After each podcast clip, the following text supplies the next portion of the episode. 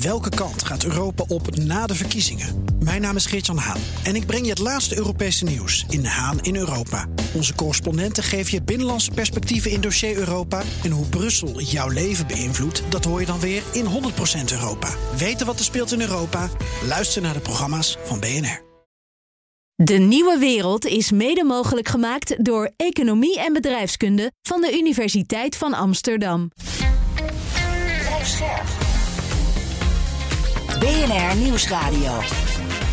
De nieuwe wereld. Annette van Soest. Of het een diepe recessie wordt of een milde, dat moeten we nog zien. Maar dat onze economie deze winter gaat krimpen, daarover zijn de economen van de meeste Nederlandse banken het eens. Huishoudens en bedrijven voelen hogere prijzen voor energie en voedsel nu al. Vandaar dat het kabinet deze Prinsjesdag ook komt met een pakket maatregelen om de inflatiepijn te verzachten. Tegelijkertijd, zo slecht gaat het nou ook weer niet. De economie groeit nog steeds en we hebben een lage werkeloosheid. Het voelt tegenstrijdig, maar is het dat ook? Wat als de komende recessie anders wordt dan alle andere? Wat maakt de huidige economische tijd zo bijzonder? Is die eigenlijk wel zo bijzonder? Ik vraag het aan Pieter Gauthier, hoogleraar arbeidseconomie aan de Vrije Universiteit in Amsterdam. Een hoge inflatie en een lage werkloosheid. Is dat eigenlijk een, een vreemde, een bijzondere combinatie? Nee, dat is op zichzelf geen bijzondere eh, combinatie. Ik, ik snap de vraag heel goed, want we hebben eigenlijk heel lang geen inflatie gehad. En de laatste keer dat we inflatie hadden was in de jaren 70. En toen zagen we hoge inflatie en hoge werkeloosheid. Maar eigenlijk was dat een hele bijzondere combinatie. Want vaak wordt inflatie juist veroorzaakt doordat de economie uh, ja, overspannen raakt. Alle bedrijven produceren op volle kracht, kunnen geen mensen vinden. Lonen gaan omhoog en dan gaan de prijzen omhoog.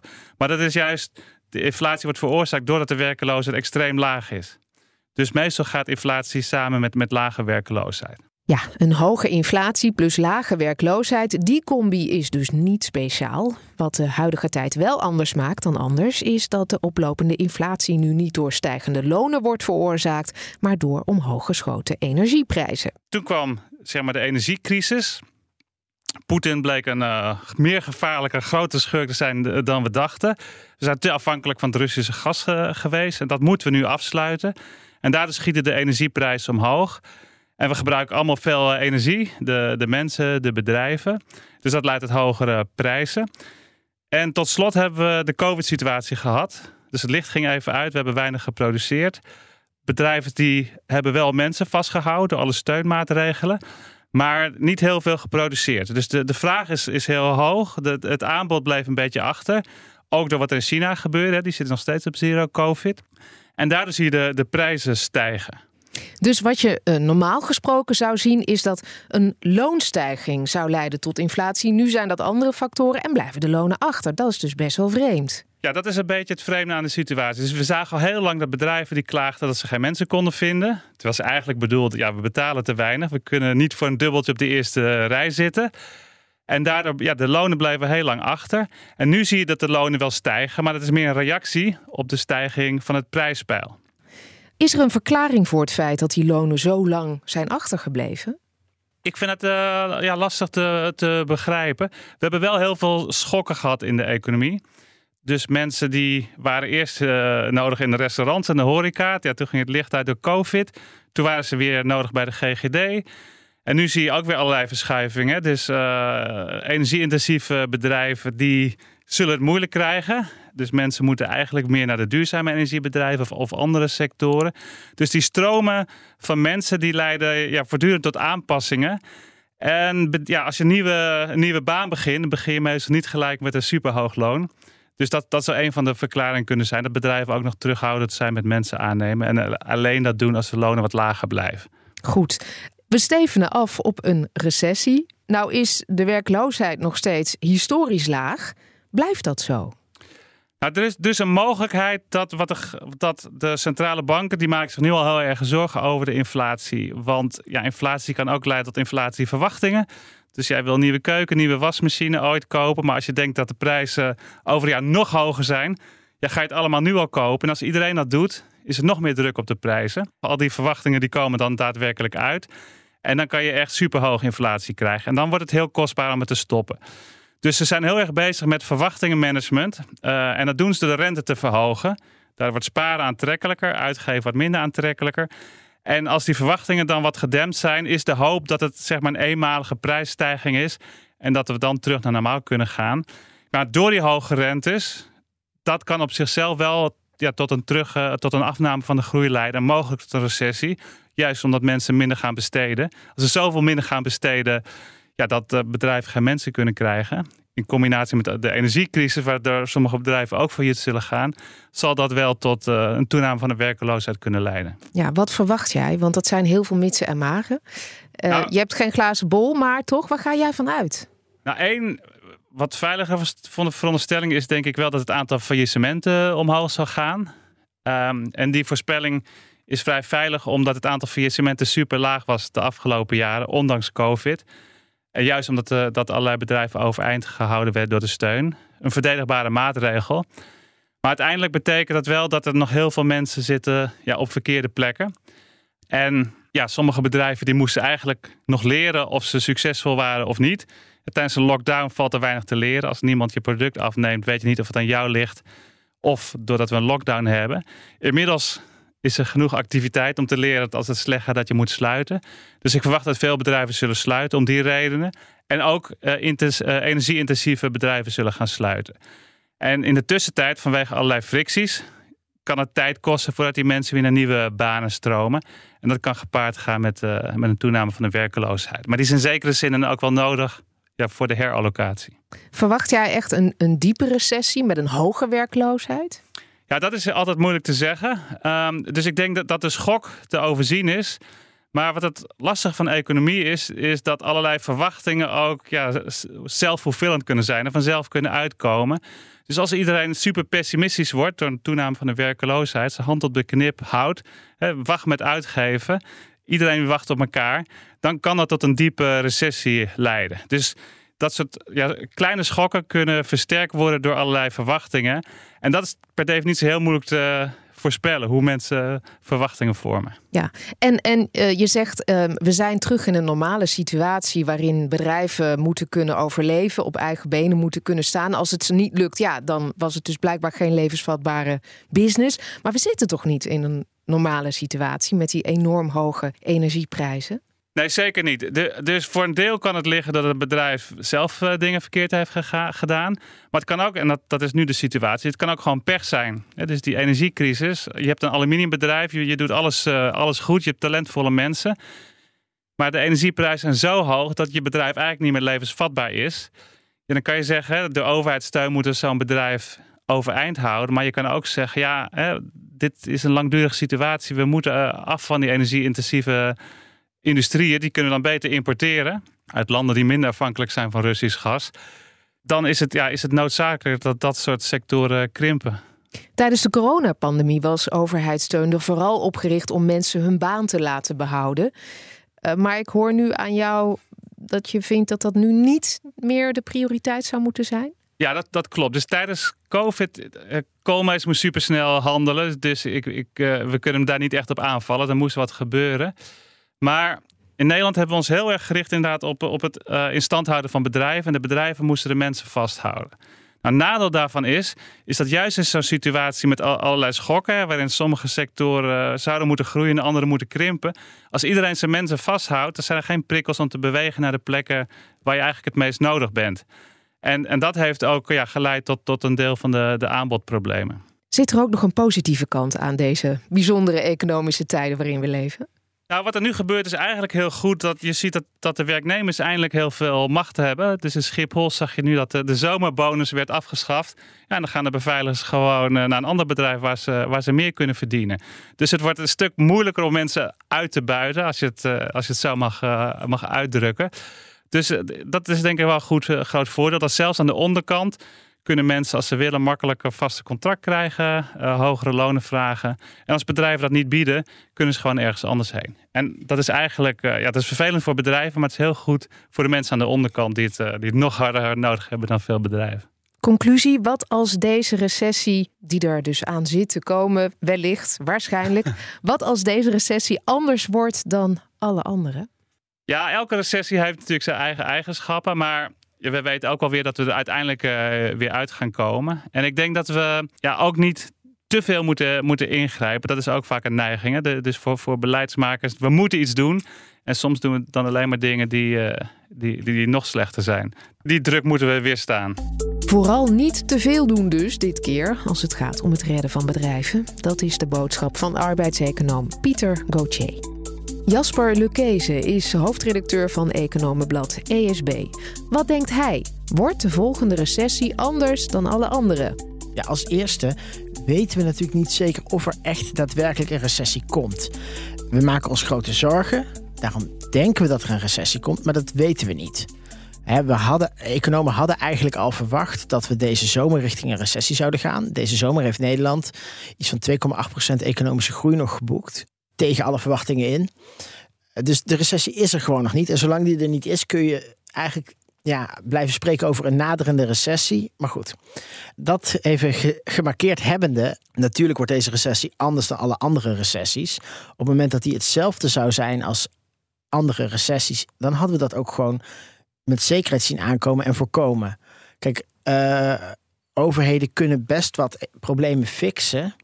Um, en ook uh, de centrale bank kan best wat, wat dingen doen om een recessie te voorkomen. Als je zeker weet dat die op een bepaalde manier zich gaat voordoen. Dat weten we nu dus niet. Nou ja, kijk, wat we wel weten is die energieprijzen, de voedselprijzen zijn door het dak aan het gaan. Energie harder dan voedsel. Er zijn inderdaad die toeleveringsproblemen. Dat leidt eigenlijk tot twee verschillende kanalen via welke we een recessie zouden kunnen hebben. Als eerste gaat natuurlijk de koopkracht van huishoudens onderuit. Want ja, energie is een noodzakelijk consumptiegoed. Je kunt daar wel een kwart op bezuinigen. Ook veel huishoudens kunnen dat doen. Maar stijgen de prijzen meer dan dat, dan ga je andere dingen minder kopen. Dan gaat de omzet van bedrijven tegenvallen. Dan gaat er verliezen, eh, leiden ze verliezen. En dan neemt ook de economische groei af. Eventueel met werkloosheid tot gevolg. Dat gaat via dus de, de koopkracht van huishoudens. Uh, het andere kanaal is dat die energieprijzen zo hoog worden dat bedrijfssectoren zeggen: Nou, weet je, ik krijg mijn producten gewoon voor deze hoge prijs uh, niet kostendekkend verkocht. Dus ik stop de productie. En dat kan tot een recessie leiden op het moment dat een paar maanden later die producten niet meer niet op de markt zijn. En andere bedrijven dus noodgedwongen hun deuren moeten sluiten. Uh, dat, daar hebben we nu slecht zicht op hoe belangrijk dat is. Kan je daar een voorbeeld van geven? Nou ja, een aluminiumsmelterij gebruikt heel veel elektriciteit en heel veel uh, energie. Uh, op het moment dat aluminiumsmelterij zegt tegen deze prijs krijg mijn aluminium niet meer verkocht. Ik uh, zet de productie stop. Dan hebben alle bedrijven die aluminium gebruiken een paar maanden later, als de voorraden leeg zijn, een probleem.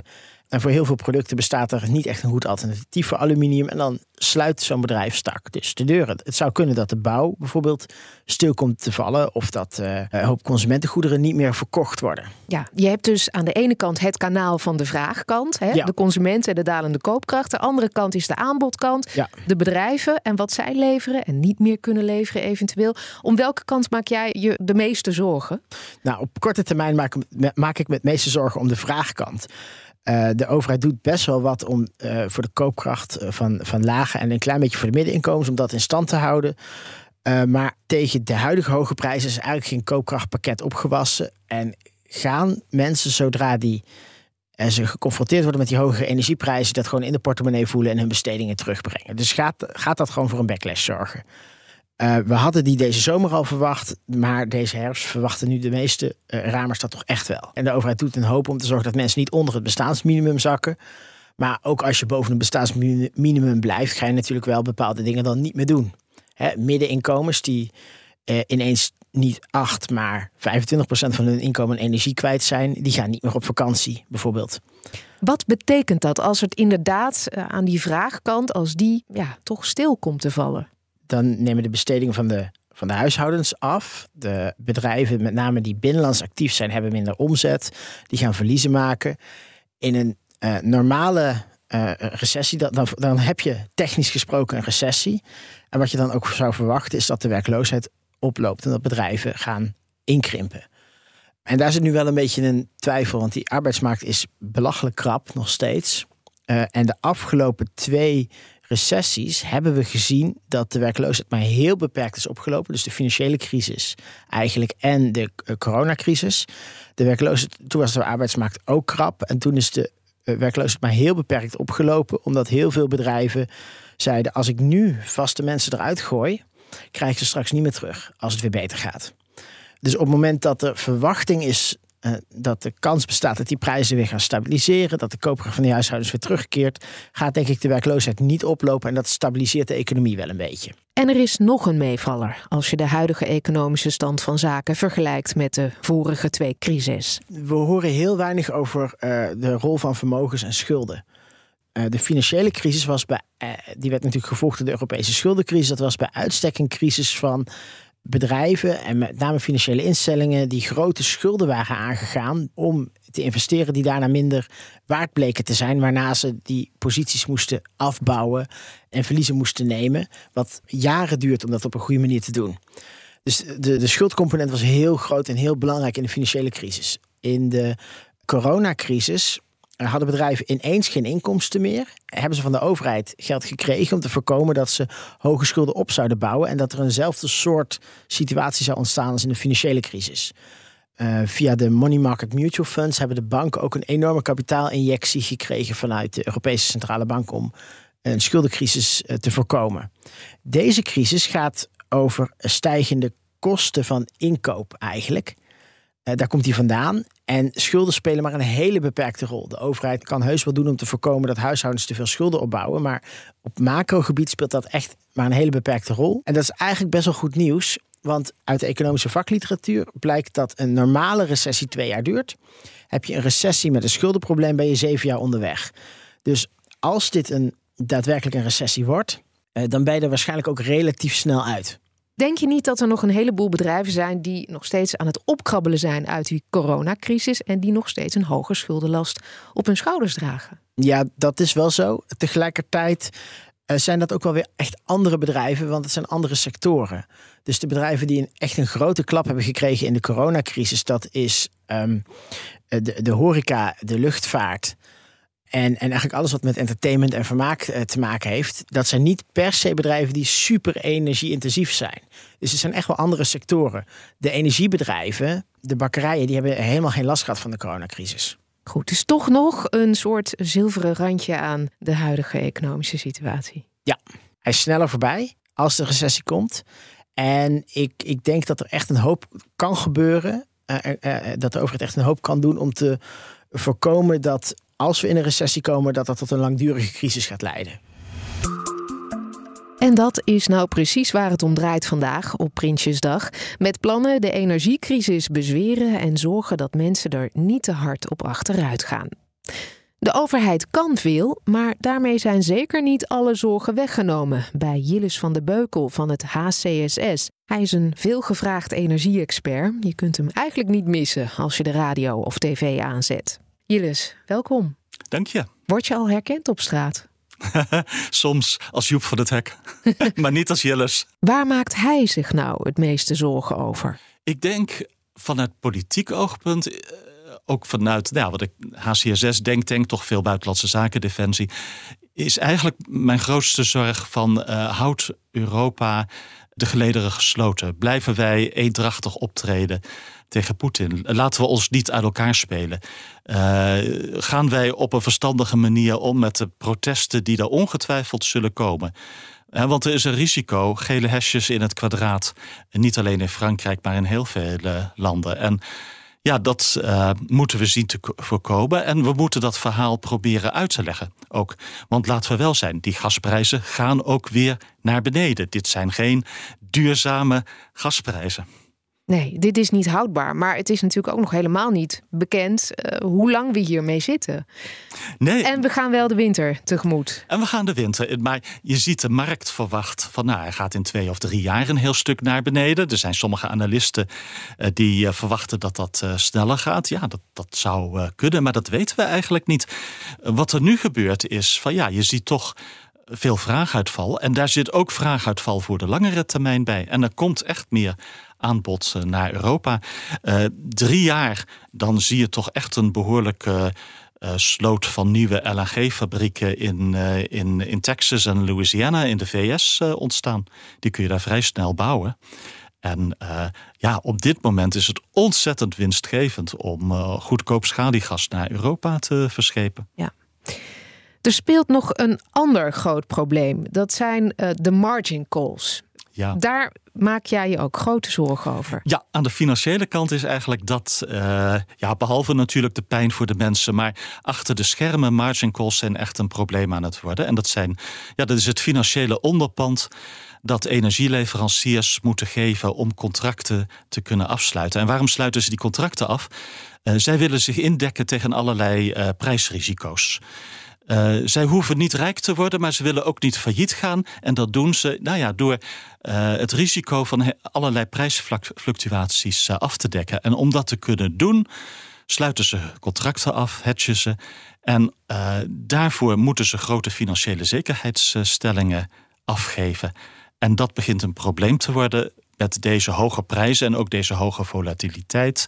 Uh, geschat wordt dat totaal die zekerheidsstellingen tussen de 1000 en 1500 miljard euro zijn. Dat zijn ongelooflijke uh, getallen. Niet alleen voor die energieleveranciers, maar ook voor de overheden die ze daarin moeten steunen. Ja, want die, die energiebedrijven die kunnen dit niet meer ophoesten. Wat, wat is het grote probleem? Uh, dan kunnen ze niet meer uh, of minder uh, handelen. En het echte grote probleem zou zijn als een gedeelte van die energieleveranciers failliet begint te gaan. Want dan kun je een domino-effect krijgen. Hè? Als sommige van die contracten, ze hebben heel veel contracten, sommige heel winstgevend, andere heel verliesgevend. Nou ja, als een paar partijen bij wie ze winstgevende contracten hebben uitstaan omvallen, dan vallen ze zelf misschien ook wel om. En dan krijg je dat het hele systeem omvalt. Al die domino-steentjes. Als overheden hier niet zouden ingrijpen. En ik ben ervan overtuigd dat overheden dat echt wel gaan doen. Die zien dat, uh, dat gevaar. En die gaan uh, ingrijpen. Alleen krijgt dat veel minder publiciteit ja, dan de prijsplafonds. Uh, of, of de, de, ja, de windfall taxes of levies of hoe ze ook heten. De overwinsten. De overwinsten. Ja, overheden zullen dit dus niet laten gebeuren. Ja, misschien heel naïef, maar ik verwacht dat overheden verstandig zijn daarin. Dit was De Nieuwe Wereld. Volgende week dinsdag zijn we er weer. Of luister wanneer je wil in je podcast-app. De Nieuwe Wereld is mede mogelijk gemaakt door Economie en Bedrijfskunde van de Universiteit van Amsterdam. Ook Harm Edens vind je in de BNR-app. Je kunt BNR Duurzaam niet alleen live luisteren in de app, maar ook terugluisteren als podcast, zoals al onze podcasts. En naast dat de BNR-app Breaking News meldt, houden we je ook op de hoogte van het laatste zakelijke nieuws. Download nu de gratis BNR-app en blijf scherp.